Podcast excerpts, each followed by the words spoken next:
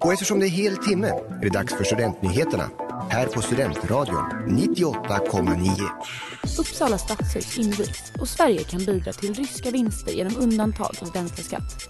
Det här är veckans nyheter.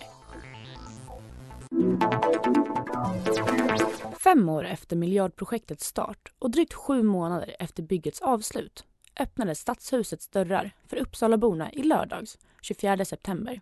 Enligt P4 Uppland räknade dörrvakterna ihop till över 3 000 besökare under dagen. Aktiviteter under invigningen inkluderade olika musikuppträdanden, konstvisningar och en barnhörna.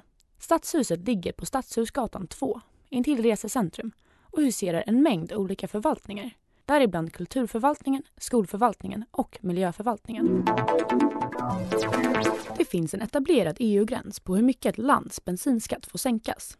I maj skrev Sveriges regering en begäran till EU-kommissionen genomröstad av Vänsterpartiet, Liberalerna, Moderaterna, Kristdemokraterna och Sverigedemokraterna om att Sverige skulle få ett undantag så att skatten på bensin och diesel sänks. Tanken är att den skulle kunna slopas i minst tre månader och på så vis sänka priset vid pump. EU-kommissionen har nu rekommenderat ministerrådet att bevilja Sveriges begäran. Men enligt en studie av Daniel Spiro, forskare i nationalekonomi vid Uppsala universitet, är det ett ingripande som riskerar att öka konsumtionen och ge Ryssland större vinst, med eller utan importembargo från EU.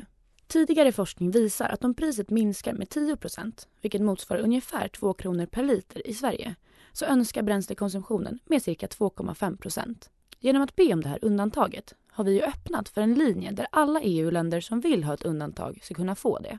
Och om fler länder följer efter kan det innebära att Ryssland i en handvändning hovar in mer än 90 miljoner kronor extra per dag, säger Daniel Spiro till Dagens Nyheter. Förutom en direkt ökning av oljeexporten till EU-länderna skulle konsumtionsökningen i EU också driva upp oljepriset på världsmarknaden.